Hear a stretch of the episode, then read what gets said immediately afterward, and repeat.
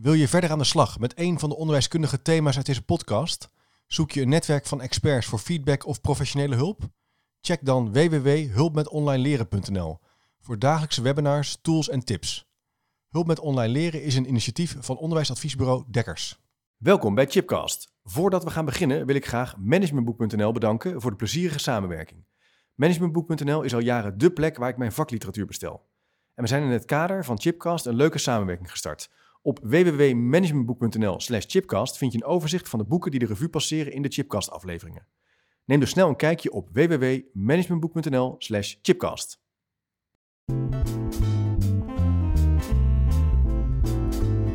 Welkom bij een nieuwe aflevering van Chipcast, waar ik op zoek ga naar ongewone perspectieven en nieuwe antwoorden op vragen die mij bezighouden. En een nieuwe podcast opgenomen, toch alweer in de studio bij mij uh, op zolder in Zeist. Uh, dus niet in de studio uh, Bloemenheuvel, waar ik tegenover gasten zit. Dit keer telefonisch in gesprek. Dat is iets wat ik de afgelopen weken ja, ook wel noodgedwongen mee ben, mee ben begonnen. En wat op zich wel aardig werkt. het is ook weer leuk om digitaal met mensen in gesprek te zijn. Eerder de podcast natuurlijk opgenomen met Michael Hebben. Um, en ook eerder met Ivar over mijn nieuwe boek 1 plus 1 is 11 de zin en onzin van onderwijsvernieuwing. En met Michael hebben over de fundamentele vraag van gaan we nou anders werken in de, door deze coronacrisis. Maar in deze podcast wil ik het hebben over kwaliteitsverbetering in en rondom de school. Hoe werk je daar nou eigenlijk aan? En die podcast is onderdeel van een uh, collegereeks die ik geef aan de, voor het masterprogramma waar, aan de KPZ, de Katholieke Pabo in Zwolle, in, waar ik les geef. Voor het masterprogramma Leiderschap en Innovatie, Kind en Educatie. En het gaat dan vaak over integrale kindcentra's. Dat is een thema wat mij wel bijzonder interesseert voor degene die nog helemaal geen idee hebben waar het over gaat. Het gaat eigenlijk over het idee dat een school meer is dan een leerplek waar je tussen 9 en 2 of 9 en 3 blijft, maar breder al langer kan verblijven als kind. Bijvoorbeeld eerder voor school, en dan ga je al op jongere leeftijd daar naartoe, of eerder voordat de school open gaat, als je ouders hebt die vroeg weg moeten. Maar ook langer, als de school dan bijvoorbeeld dicht gaat, kan je bijvoorbeeld blijven om bijvoorbeeld te gaan gimmen of om extra activiteiten te doen, zoals een beetje bijles of uh, leuke projecten waar je in de tuin of, uh, of met handvaardigheid niet aan toe komt. En dat lijkt mij, en dat, dat, zien steeds meer mensen, een ontzettend mooie manier om naar onderwijs en leren te kijken. Um, dus het idee van een brede school. Nou, daar werken we met schoolleiders en uh, allerlei mensen in die leergang en de masterprogramma rondom. En um, in deze podcast wil ik het hebben over kwaliteitsverbetering in en rondom de school. Want in het kader van, die, uh, van het masterprogramma heb ik weer gesproken met Erik Meester. En misschien herinneren jullie hem nog wel. Dat was die uh, docent, professional aan de Radboud Universiteit Nijmegen. En uh, toen hebben we een podcast opgenomen over de waarde van kennis. Hoe kijk je eigenlijk naar kennis bij kinderen? Wat is de zin daarvan? Is kennis iets ouderwets of heeft het nog steeds zin om, om kennis als iets belangrijks te bestempelen? Kennisoverdracht dus ook te zien als een onderdeel van, van de plek en de schoolactiviteiten. nou, in deze podcast ga ik het hebben over kwaliteitsverbetering. En dat doen we eigenlijk aan de hand van een gouden ouwe, zou je kunnen zeggen. Pieter Senji. Sommigen van jullie zullen hem misschien nog wel kennen. De Fifth Discipline, de vijfde discipline. Een managementboek uit mijn hoofd uit 1995. Wat denk ik best wel radicaal de wereld op zijn kop heeft gezet. Want dat was een heel belangrijk boek om naar de organisatie te kijken alsof het een lerende plek is. Een systeem wat eigenlijk constant professionaliseert en werkt aan verbetering. Hij heeft daar een boek over geschreven. Um, the Art and Practice of the Learning Organization. Het idee dat teams en collega's en mensen constant in een proces van optimale verbetering zijn. En dat je dat alleen kan doen als je de fifth discipline ziet, het vijfde perspectief. Daar gaan we het zo nog even over hebben. En um, straks gaan we daar ook met Erik Meester over praten. Die, die bel ik dan uh, overigens uh, telefonisch. Dus die halen we in de studio als het ware in deze podcast. En um, het is wel leuk, want die fifth discipline, uh, daar in dat boek, en die wilde ik even naar voren halen, staan elf wetten centraal die ook interessant zijn als je kijkt naar kwaliteitsverbetering. Hè. Je wil als team professionaliseren, je wil vraagstukken aanpakken en oplossen. Dat kan zijn bijvoorbeeld teruglopende leesresultaten, ik noem maar even wat. Of bijvoorbeeld uh, ontevreden ouders die klagen over de communicatie. Of je zegt van nou, er is een ander vraagstuk. En hij zegt, ja, dan moet je eigenlijk altijd kijken naar een aantal wetten. En de eerste wet die hij noemt bijvoorbeeld is te erkennen dat de problemen die je vandaag hebt, die zijn voortgekomen uit de oplossingen van gisteren. Dus oplossingen dus werken aan oplossingen op zichzelf zonder het dieperliggende probleem te erkennen en in te zien, die zorgen voor nieuwe problemen. Op zich wel een logisch perspectief, maar dat was toen best wel, ja, niet revolutionair, maar wel inzichtelijk van, oh ja, ja, door oplossingen creëer je weer nieuwe problemen. Dus je moet eigenlijk anders kijken naar het vraagstuk. Je moet op een ander niveau kijken naar een thema wat in een schoolomgeving speelt.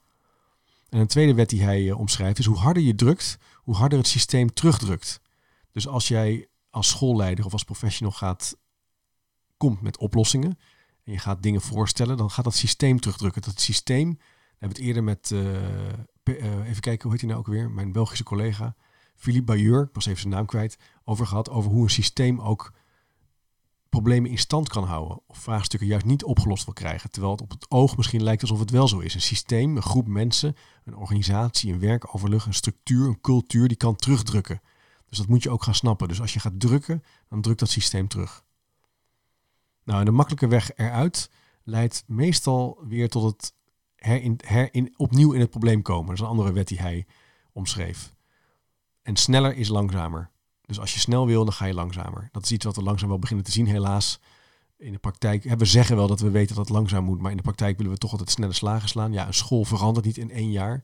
Of een team ook niet. Dat duurt gewoon meerdere jaren. Als je kijkt naar uh, een cultuurverandering of naar echt effectief een groot vraagstuk oplossen. Als bijvoorbeeld uh, ja, onvoldoende rekenonderwijs of een slechte inspectiescore of nou, ik noem maar wat.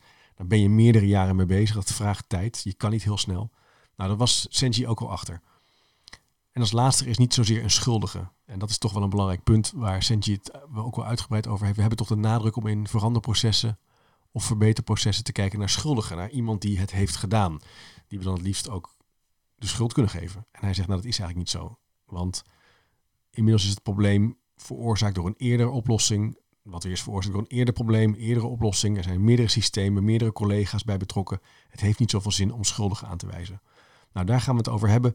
In de zin van we draaien dat eigenlijk om als je dat niet wil. Hoe werk je dan concreet en praktisch aan verbeteringen en vernieuwingen in en om rond de school? Hoe zie je dat eigenlijk als een soort continue kwaliteitsverbetering in je school? En uh, vijf perspectieven zijn erin interessant, denk ik. Je mentale modellen, het team leren, het bouwen aan een gedeelde visie, het kijken vanuit een systeem, het denken en kijken vanuit het systeem en het persoonlijk meesterschap. Dus het optimaal beter worden en het echt een expert worden in dat leren en veranderen. Vijf disciplines van een lerende organisatie die volgens Senji belangrijk zijn. En daar gaan we zo met Erik Meester over praten. En heeft hij het af en toe ook over de professionele leergemeenschap, de PLG. Dat is een onderwerp wat eigenlijk best wel nauw gekoppeld is aan die fifth discipline. Het idee dat je dus met teams in een soort professionele leergemeenschap kan bouwen aan realistische en haalbare verbeteringen in en rondom je school. Nou, beste luisteraar, dan gaan we nu uh, Erik Meester bellen. Uh, Erik kan zichzelf denk ik het beste voorstellen, maar ik volg hem al een tijdje. Hij is uh, onderwijskundige, docent aan de Radboud Universiteit en houdt zich niet alleen bezig met onderwijsdidactiek, maar ook wel met professionele leergemeenschap en een lerende organisatie zijn. We gaan eens even kijken of hij bereikbaar is, als het goed is wel. Gaat hij over? Ja, daar gaat hij.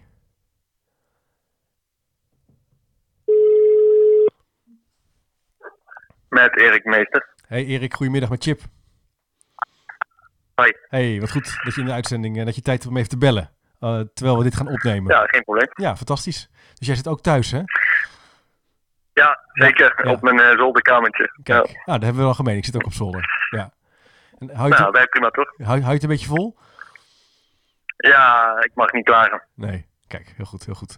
Ja, dus de, de, de, de deelnemers eh, die nu luisteren, dat zijn allemaal onderwijsleiders. Uh, grotendeels onderwijsleiders van, van basisscholen, maar ook wel mensen die zich bezighouden met uh, jeugd, jeugdzorg en andere vormen van ambtelijke samenwerking rondom onderwijsverbetering en het bereiken van kinderen. Um, en dat is een masterprogramma. En het thema waar we in deze podcast mee bezig zijn is kwaliteitsverbetering en, en kennismanagement. Hoe werk je nou eigenlijk aan kwaliteitsverbetering en kennismanagement in een organisatie, in een schoolomgeving? Um, en ja. uh, daarvoor heb ik ze ook geattendeerd op jou, uh, jouw artikelen en publicaties over de lerende organisatie. Uh, en de professionele leergemeenschap onder andere, maar ja, je hebt veel meer gedaan. Um, misschien ja. even voor, voor, voor de luisteraar, zou jij eens kunnen vertellen wat jij zo al doet? Wat is jouw vakgebied? Kan je daar woorden aan geven? Uh, nou ja, in het kort zou ik zeggen, kijk, ik hou me gewoon eigenlijk bezig met vrijwel alles wat gaat over, uh, over onderwijs en onderwijsontwikkeling. Ja. Uh, en dan met name in het primair onderwijs, maar ik heb ook ervaring, wat minder ervaring, maar wel ervaring in het VO en MBO ja. en HBO. En op dit moment werk ik als leraaropleider bij de Radboud Universiteit. En wij leiden dus leraren op voor het basisonderwijs ook weer. Ja. Um, en hiervoor heb ik vier jaar als, uh, ja, als adviseur en, uh, en trainer gewerkt bij Academica, Ja. Business College in Amsterdam. En daar, tijdens die vier jaar heb ik dus heel veel schoolleiders ook opgeleid. Allerlei herregistratieprogramma's, maar ook andere programma's. En ik heb heel veel schoolteams begeleid, ook in hun onderwijskwaliteitsverbetering. Kijk, kijk. Mooi, dus je hebt dan aan de ene kant, allerlei facetten ben je eigenlijk met verbetering en met onderwijs bezig. Dus dat is denk ik ook Heel mooi. Het artikel. Ja, ja, ja leuk. Dus laten we daar eens induiken. Ehm, waar zou het volgens jou over moeten gaan in essentie? Als je als schoolleider of als je als professional bezig gaat met een verander- of verbeterinitiatief in een schoolomgeving. Hoe kijk je daarnaar? Nou, kijk, wat ik, uh, wat ik gewoon heel veel heb gezien is dat, uh, uh, dat er mensen met heel veel enthousiasme aan het vernieuwen zijn. Maar dat ze niet altijd goed in de gaten hebben, zeg maar, wat, wat, wat of waarom ze nou aan het uh, vernieuwen zijn. Ja, En ik noem het wel eens, uh, ja, misschien wat schetsend hoor, uh, de, de 100 bloemen bloeien methode. Ja. dus als we maar gewoon met elkaar heel veel leuke nieuwe dingen doen, dan zit een soort impliciete aanname onder, dan, dan wordt het wel weer allemaal wat beter. en ik denk dat, dat, dat die aanname niet klopt. sterker nog, ik denk dat het juist dat het grote risico is dat het minder goed wordt. Om, omdat ik denk dat als je echt verbeteringen wil doorvoeren, dat focus dan heel erg belangrijk is. Ja. Uh, en nog een aantal andere zaken natuurlijk die gelden voor een PLG, een professionele leergemeenschap. Ja. Daar komen we later denk ik nog wel op. Uh, maar ik denk dat altijd de eerste vraag is die je moet stellen, uh, is van ja, wat gaat dit nou eigenlijk echt bijdragen aan, aan de leerresultaten van leerlingen. En dan heb ik het niet over de, de, de nauwe kijk daarop, hè, bijvoorbeeld alleen taal of rekenen, maar ook gewoon in de brede zin. Hè. Dus daar kan je ook pedagogisch naar kijken, Ja. cognitief, uh, sociaal. En wat gaat dit onze leerlingen nou uh, brengen? Ja. Uh, dat we dit doen. En ik denk dat je dat eerst heel goed in kaart moet brengen. En voordat je allerlei dingen gaat veranderen. Ja. Dus je zegt ook wel van pas op met, met allerlei ideeën die op zich goed bedoeld zijn. En die misschien ook wel een beetje ver weg kunnen gaan over een verandering of verbetering. Maar die eigenlijk te vaag zijn of te veel zijn. Waardoor het geen effect gaat hebben in, dat, ja. in waar het eigenlijk in de essentie om moet, moet draaien in een school. Ja, ja. En, en die essentie is uh, denk ik hè, dus het leren en het lesgeven. Ja. Uh, nogmaals, in de brede zin. Uh, en als we kijken zeg maar, ook naar onderwijsonderzoek, dan zie je uiteindelijk dat de, de leraar moet het doen. Ja. En, en, en die leraar is een hele belangrijke factor. Um, maar die leraar die kan op allerlei manieren gesteund worden. Dus een andere manier om naar te kijken is van... oké, okay, deze verandering of deze voorgestelde vernieuwing... Hoe staat die eigenlijk ten dienste aan, aan, aan het vakmanschap van die leraar? Of de beroepsuitoefening van die leraar? Okay, dus ja. sommige mensen zeggen dan de leraar centraal. Ja. Um, ik weet niet of dat per se zo moet zeggen... maar het idee in ieder geval, de leraar moet het uiteindelijk doen. Dat is denk ik wel een belangrijke grondhouding, zeg Ja. maar... als het gaat over verandering en vernieuwing. Dus echt wel een, een beetje in de, in de managementliteratuur een Angels of een, een Rijnlands perspectief op uh, organiseren. De vakman, de professional centraal, alles moet in dienst staan van die expert die in die klas of in die schoolomgeving uh, waarde wil toevoegen aan, aan, aan die kinderen. Ja, ja, een mooi voorbeeld bijvoorbeeld ICT-tools. Dan, uh, oh, er is een nieuw ICT-tool op de markt. Wij moeten ook iets met ICT. Hè. Ja. Dus dan uh, is dan heel snel het gevoel. Ja. Uh, maar je kan ook eerst nadenken over van, oké, okay, hoe willen wij lesgeven? Hoe geloven wij dat leerlingen het beste leren wat we willen dat ze gaan, gaan leren?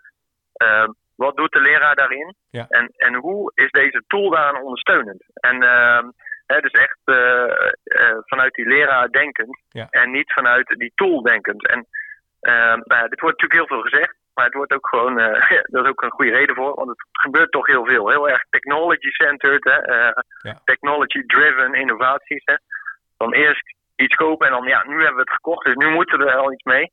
En want je hebt erin geïnvesteerd en daarna maar bedenken wat je ermee kan. Ja, dat lijkt me echt heel slecht dan. Ja, maar wat er dan gebeurt is dat die technologie eigenlijk leidend gaat worden in plaats van uh, de impact of het effect, effect wat je wil hebben. Dat is denk ik waar, waar, waar je ook dan scherp ja, op bent. Ja, en, ja. En, en die technologie die lost aan zich natuurlijk niks op. Hè? Dus dat is dus een medium wat je, wat je gebruikt. Ja. En wat ook onderzoek naar technologie laat zien, is dat het eigenlijk heel erg, hè, over het algemeen heel erg tegenvalt eigenlijk, hè, onderwijstechnologie. Ja. Uh, en, uh, en, dat, en als de positieve effecten la laten zien, dan wordt er altijd benoemd van, ja, het hangt natuurlijk wel ontzettend af van die kwaliteit van die leerkracht. Ja. Dus uh, ja, dit is gewoon één voorbeeld van innovatie waar, waarbij je dat heel duidelijk op ziet. Ja. En hoe komt dat dan dat we daar toch intrappen bij verandering? Want dit, je zou kunnen zeggen, je, we weten het wel dat, dat je moet oppassen bij de, met, met technologie als een soort Hosanna binnen te halen en het leidend te laten worden. Maar toch gebeurt het op heel veel school, in heel veel schoolomgeving gebeurt het nog wel. Wat zijn dan, wat zijn dan ja, maar dat zie je ook niet alleen bij technologie, hè, maar ook bij nieuwe, nieuwe modellen. Of komt er een nieuw boek uit en dan is het helemaal dit. Hè. We hebben bijvoorbeeld ook sociaal-emotioneel leren.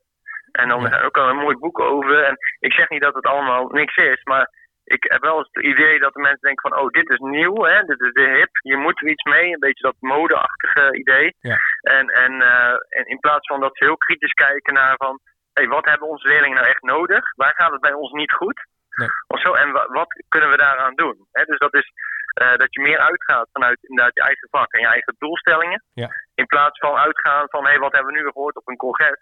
Ja. En dat dat leidend is voor je vernieuwingsagenda. Ik zou zeggen, kijk wat er in je school gebeurt en wat je leerlingen leren, hoe ze zich ontwikkelen. en probeer dat te analyseren. En als je daar dus ziet dat het niet goed gaat, probeer daar dan iets aan te doen. Daaraan te intervieren. Ja, wat ik heel mooi vond aan het stuk wat, je, wat, jullie, wat jij hebt geschreven, ook met andere vak, vakgenoten, ik zal het ook delen ook op de website, is dat jullie het idee van die visie hebben. Hè? dit gaat ook over een visie hebben in een school. Eigenlijk opsplitsen naar een visie op leren, een visie op leren organiseren, een visie op professionaliteit en een visie op veranderen. Dus jullie hebben eigenlijk vier, ja, vier manieren. Ja, dat zijn de vier kwadranten waar we mee werkten bij uh, Academica. Ja. En um, omdat we gewoon merkten bij het begeleiden zeg maar, van die scholen, uh, dat, dat dat daar eigenlijk aan ontbrak. Hè. Dus mensen zijn heel erg geneigd, uh, vakmensen, en dat is ook natuurlijk ook logisch en ook, ook wel goed of zo, dat je, je wil dingen doen. Hè. Je, wil ding, je wil aanpakken, hè. handen uit de mouwen. Um, maar wat je ziet is dat als we dingen willen veranderen, stel jij en ik, wij willen, uh, wij moeten een feest organiseren. En dat, daar willen we, uh, dan, dan moeten we eerst heel goed van elkaar begrijpen van, ja, wat, wat is eigenlijk een goed feest? En wat maakt zo'n feest nou leuk of niet leuk? En wat hebben we dan nodig? En, wat, en je moet eigenlijk heel erg investeren eerst in uh, eigenlijk gedeelde kennis. Ja. En want jij zegt bijvoorbeeld dingen uh, die ik misschien heel anders interpreteer. Ja. Dus een voorbeeld van in het onderwijs bijvoorbeeld coöperatief leren. Ja dus dan, uh, nou, dat, dat, is iets met kinderen in groepjes of zo hè, werken. Uh, maar als je kijkt naar in scholen, hoe dat wordt uh, geïmplementeerd of geïnterpreteerd, dan is daar echt zo'n enorme variatie in. Ja. Hetzelfde is bijvoorbeeld differentiatie. Dat is nog veel erger. Ja. Dus eigenlijk alles wat je doet, behalve een weblecture opnemen en de wereld insturen, alles wat je meer doet dan dat, zeg maar, is al eigenlijk al, zou je differentiatie kunnen noemen. Ja dus uh, wat heel erg belangrijk is, is dat je heel erg goed met elkaar eigenlijk de diepte ingaat. En van dat je echt zegt, ja, wat verstaan wij eronder? Wat vinden we nou goede vormen van differentiatie? Wat vinden we eigenlijk geen goede eh, vormen van differentiatie? En wat, welke mechanismen zitten daar nou onder? En welke mechanismen willen we graag behouden? Waar willen we afscheid van nemen? dus je moet echt met elkaar de diepte opzoeken. En dat uh, kost veel tijd. En ik denk dat dat een van de redenen is dat daar vaak aan voorbij gegaan wordt. Ja, ja en je noemt ook het eh, gedeelde kennis. Eigenlijk is dat al een vorm van kennis organiseren, kennis delen. Wat bedoelen we eigenlijk met een bepaald woord? Met leergemeenschap, met differentiatie. En je zegt dat, wordt, dat vergeten we dan, daar gaan we te makkelijk overheen. We gaan te snel in interventies en een plan van aanpak werken. En dat is eigenlijk een risico. Ja, ja, ik heb mensen willen gaan graag afsnijroutes. Hè? En dat uh, is mij ook niet vreemd. Kijk, iedereen wil het zichzelf makkelijk uh, maken. Hè? Dus uh, dat is helemaal niet verkeerd, verkeerd op zich. Nee. Maar in dit geval is dat wel een enorme valkuil. Ja. Ja. want wat je dan gaat kijken, krijgen is dat, dat er allerlei dingen gebeurt waar je eigenlijk helemaal niet op zat te wachten. Of misschien persoon A wel, maar persoon B helemaal niet. En persoon C die wordt eigenlijk onzeker van. En, weet je, en dan, je ziet eigenlijk dat, dat dan heel vaak dingen gewoon misgaan. Omdat iedereen eigenlijk toch maar zijn eigen interpretatie aangeeft, op zijn eigen manier doet. En dat je eigenlijk dan helemaal geen homogeniteit krijgt. En ja, nogmaals, dan krijg je honderd bloemen die bloeien. Maar wat er nou echt schoolbreed voor impact heeft, wordt dan heel onduidelijk. Ja. En wat ik heel mooi vond aan onder andere dit stuk, maar ook wel uh, wat je eigenlijk nu ook zegt, is dat je ook hiermee de confrontatie moet opzoeken met elkaar. Over opvattingen die we hebben bij bepaalde woorden. En zegt dat is een heel belangrijk onderdeel van die analyse, dat moet je niet, dat moet je niet willen overslaan. Ja, Nou, je, je, je kent, uh, school, elke schoolleider kent denk ik wel Pieter Sengi met de, de vijfde discipline. Ja. En, uh, en die, die, die, die, uh, die drie poten, die kruk. En, waarvan die zeggen, en een van die drie poten is, even uit mijn hoofd, die reflectieve conversaties. Ja. En dat is volgens mij ook wat ik hier bedoel. En wat hij bedoelt, is je moet echt met elkaar, die, inderdaad, confrontatie noem jij het, vind ik wel mooi echt met elkaar zeggen, ja maar nee, jij zei net dit, hoe bedoel je nou dat? Hè? En, en echt met elkaar proberen die diepte in te gaan. Ja. En, en dat vraagt echt om een professionaliteit, hè? een bepaalde cultuur.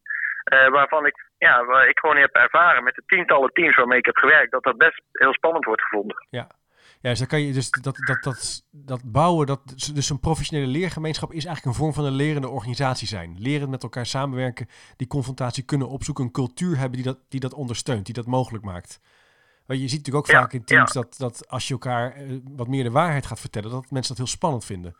Dus dat vraagt wel een ondersteunende ja, want dan Komt het, uh, dan komt het dichtbij. Hè? Ja, dus, ja, ja, Kijk, uh, oppervlakkigheid is natuurlijk ook een bepaalde vorm van zelfprotectie. Hè? Dus uh, als het maar niet te diep gaat, dan kom ik ook niet met de billen bloot. Hè? Dan, dan, en, en, en dat met de billen bloot, dat is wel eigenlijk wat de professional nodig heeft. Want anders kan je je niet ontwikkelen. Nee. dus als je altijd maar wel zegt, ja, dat weten we al en dat doen we al. En dat doe jij ongeveer ook wel zo en ik ook wel zo. Ja, dan kom je, kom je eigenlijk niet verder. Nee. En dan stagneert eigenlijk die professionele ontwikkeling. dus het is iets wat door heel veel mensen spannend wordt gevonden, maar wat eigenlijk wel nodig is. En ik denk dat je daar als schoolleider hè, dus formeel of informeel schoolleider, ja. er gewoon een belangrijke rol in hebt. Ja, mooi. En jij, de, die professionele leergemeenschap, daar, daar zijn vijf aspecten uh, belangrijk voor. Je noemde al even die cultuur, die focus. Hè, dat, dat noem je in het begin van, van, van het gesprek ook al. Hè, dat je weet waar je aan wil werken. Dat, die visie, die kan je al uitvers, uitversplitsen naar dat klaverblad. Um, kan, ja. kan je iets zeggen over structuur? Dat is vaak toch wel iets wat, wat, wat mensen moeilijk vinden. Ja, het gaat dan vaak over het harkje. Ja. Of de manier van, hoe kijk jij daarnaar, naar structuur? Nou, dat gaat, dat gaat eigenlijk over, uh, over gewoontes. Kijk, ah, um, ja, ja, ja. oké. Okay. Dus, dus, dus, kijk, als, als, als, jij zegt als schoolleider van hé, hey, we hebben die focus, we hebben die visie en een cultuur en we hebben een werkwijze met elkaar en zo willen we het met elkaar gaan doen. Maar er is geen enkele structuur in die organisatie die daartoe stimuleert. Dan gaat het gewoon niet gebeuren. Nee. En dus die structuur, dat is een heel belangrijke kant van die uh, professionele leergemeenschap. Ja. Je moet het ook organiseren met elkaar. Je moet met elkaar afspreken van oké, okay, hoe gaan we dit met elkaar doen? En niet van nou ja, kijk maar en maak maar groepjes en uh, zo. Ja, dat, dat werkt niet. Kijk, ik geef wel het voorbeeld van, uh, van mijn privésituatie. Ik heb twee uh, jonge kinderen, twee dochters van twee en vier. Ja. En ik heb ook een vrouw erbij. Ja, ja dus dat is mijn situatie. Ja. ja. iedereen die jonge kinderen heeft gehad, die, ja, ik ben een minderheid, maar dat, uh, daar, kom ik, daar kom ik nog wel uit. Ja. Maar als je twee jonge kinderen hebt en je werkt allebei uh, en je bent er ook enthousiast over het werk, hè, dan heb je een uh, druk leven. Hè? Ja. Dat noemen we de tropenjaren. Ja. Nu is het zo dat als je die, die relatie hebt met die uh, vriendin, ja, die, die, die raakt een beetje bijna op de achtergrond. Hè? Dus dat, heel veel mensen zeggen, herkennen dat. Dus als je wil dat je daar iets aan gaat doen, moet je niet tegen zeggen, ja, we moeten wel wat meer aandacht aan elkaar ook blijven besteden. Ja. Dus dat kan je dan zo zeggen, hè? zoiets generiek. Ja. Uh, dat zie je ook vaak in teams. Oh, we zouden echt dit vaker moeten doen. Ja. Meer bij elkaar zitten of zo. Hè? Of vaker bij elkaar in de klas gaan kijken. Wordt dan heel vaak gezegd. Ja, ja, ja. Maar kijk, als je dat niet organiseert, ja, dan gaat het gewoon, 9 op 10 keer gaat het gewoon niet gebeuren. Nee. Uh, dus uh, wat hebben wij gedaan? We hebben gezegd, nou weet je wat, elke donderdag, hè, of één keer in twee weken, of elke donderdag, dan hebben we een oppas. En dan kunnen wij die avond, we weten niet wat gaan we doen, maar we hebben die avond even met z'n tweeën. Ja, ja. Uh, dat is een soort structuurinterventie op je relatie. Ja, ja sorry, dat klinkt misschien heel, uh, heel raar. Nee, maar je, snapt Ja. wel het Ja, uh, ja, ja, principe. Hè? Dus ik zegt- denk dat veel mensen herkennen. En, Ja, ja, je en dat moet je in je school ook zo doen. Precies, je moet het dus niet eh, eh, laten, maar je moet het organiseren. Het vraagt een vorm van structuur aanbrengen, ritme aanbrengen. Van dat je weet met elkaar, we hebben dan een moment om het te hebben over eh, groepsdoorbrekend werken. Of over dat nieuwe, dat nieuwe IT-systeem desnoods. Maar dat je Nou, wel organiseert. problemen die, die, die uh, in je school te, aan Ja. de oppervlakte komen. Ja, ja, ja.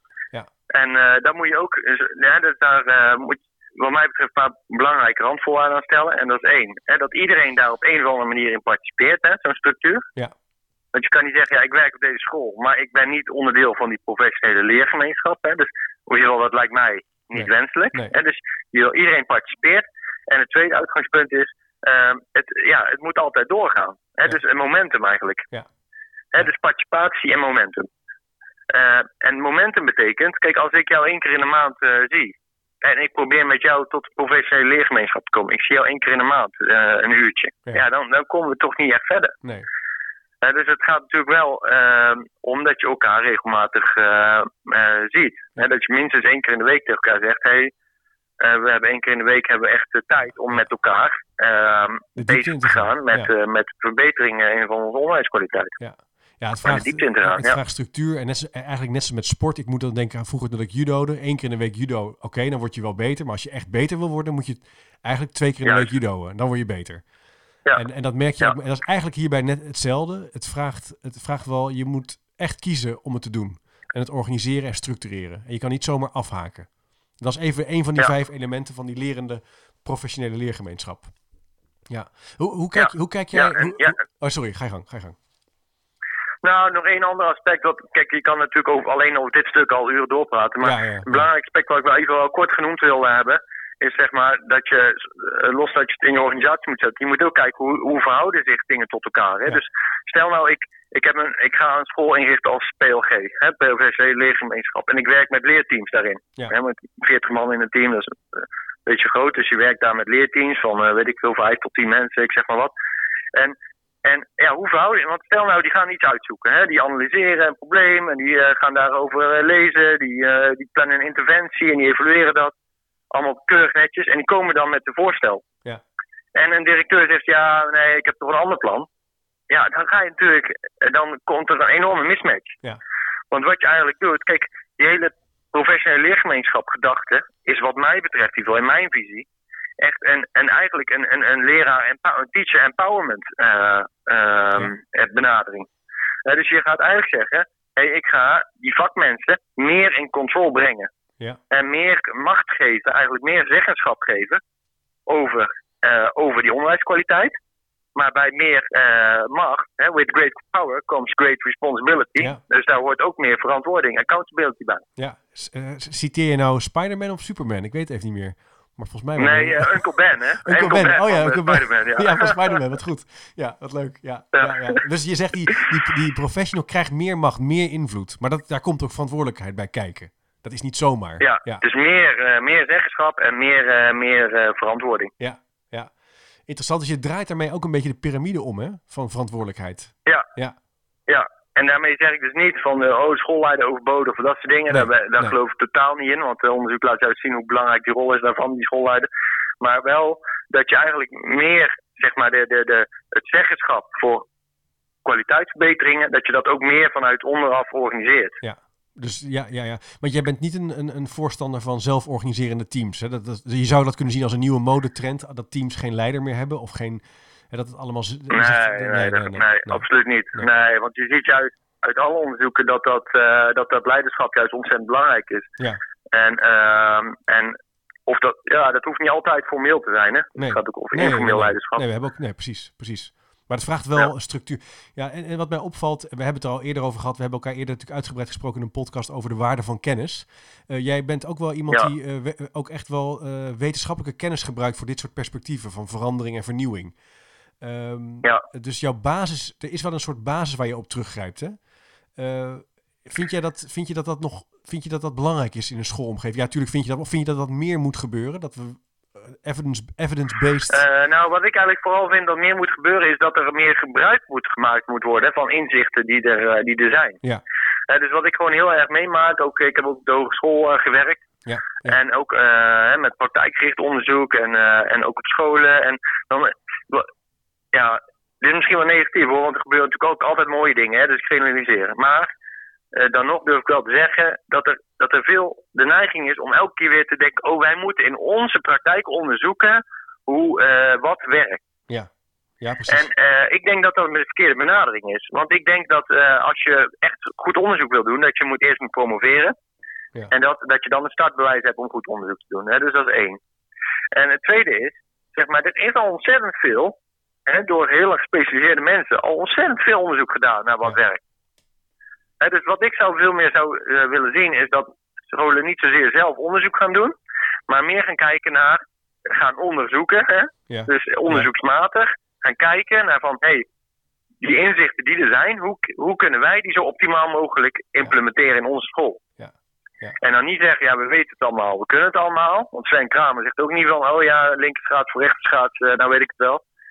Die, je, je wil altijd verbeteren. Ja, ja, Dus dan ga je kijken naar, oké, hoe zit het bij ons? Ja. Dit zijn inzichten. Hoe kunnen wij dit in onze praktijk zo goed mogelijk proberen te oefenen? Dus je En bent, wat levert het bij ons op? ja, dus je bent als schoolleider, je bent misschien onderzoekend in de zin, je gebruik kennis die er al is. Ga op zoek naar die data die er al is en ga daarmee aan de slag. Je zegt van, je, moet, je hoeft niet per se met allerlei praktijkonderzoek eh, aan te komen. Ja, inderdaad. dus Ik, ik heb het meestal over van ja, ga nou niet onderzoek doen, maar ga meer onderzoeksmatig handelen. En dat is altijd wat mij betreft. Het begint dat met de probleemanalyse. En welke problemen hebben we eigenlijk? En wat blijkt dat uit? Dan, dan zeg maar naar die verdieping dus toe. Hè? niet gelijk naar de actie. Maar eerst, wat is hier al over bekend? Ja.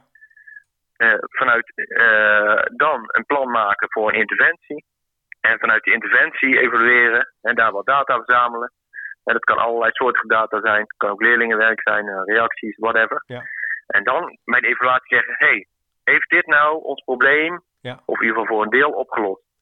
En dan begint de cyclus opnieuw. En dat is onderzoeksmatig handelen. Onderzoeksmatig handelen, laten we dat ook vasthouden. Ik denk dat dat ook voor de deelnemers heel belangrijk is. Je hoeft niet een heel, hele scriptie te gaan schrijven in dit masterprogramma, maar ga onderzoeksmatig handelen. Dat model overigens staat ook in het artikel. En uh, dus dat uh, figuur 2, ik heb het toevallig voor me, dat zal ik ook, ook even linken. Um, leuk. En, en um, uh, heb jij nou nog afsluitend tips voor de luisteraar? Je bent dus, dit zijn mensen die met kwaliteitsverbetering bezig gaan, met kennismanagement. Um, heb jij nou nog of een vraag voor ze of een, een overpeinzing waarvan je zegt, daar zou je nou, ik, ik, ik denk dat er een belangrijk, belangrijk punt is, wat ik nog wil benadrukken, is één zeg maar, dat het heel goed is om te beseffen dat er een verschil is tussen informatie en kennis. Ja. dus wat je veel ziet is dat mensen zeggen, ja nee, maar daar hebben we boeken van. Ja. we werken bijvoorbeeld met een bepaald didactisch model en daar hebben we boeken van. Ja. Of ja, het staat op de, op de server. Of uh, nou ja, dat soort dingen. Kijk, maar dat, is allemaal, dat zijn allemaal informatiebronnen. Ja. Maar informatiebronnen zijn niet, is niet kennis. dus kennis zit tussen de oren. Ja. En uh, om het daar te krijgen heb je gewoon veel tijd nodig. Dat zie je ook bij je kinderen. Die moeten leren. Dat kost ook tijd. En dat geldt natuurlijk voor volwassenen ook. Ja.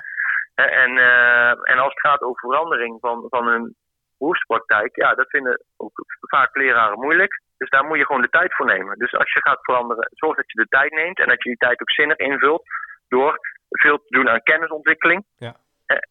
Die, die kennis daarop te reflecteren, die moeilijke gesprekken. En vanuit die moeilijke gesprekken uh, gaan kijken, oké, hoe doen wij dat al wel en doen we dat niet? Hè? Reflecteer eigenlijk naar de praktijk toe.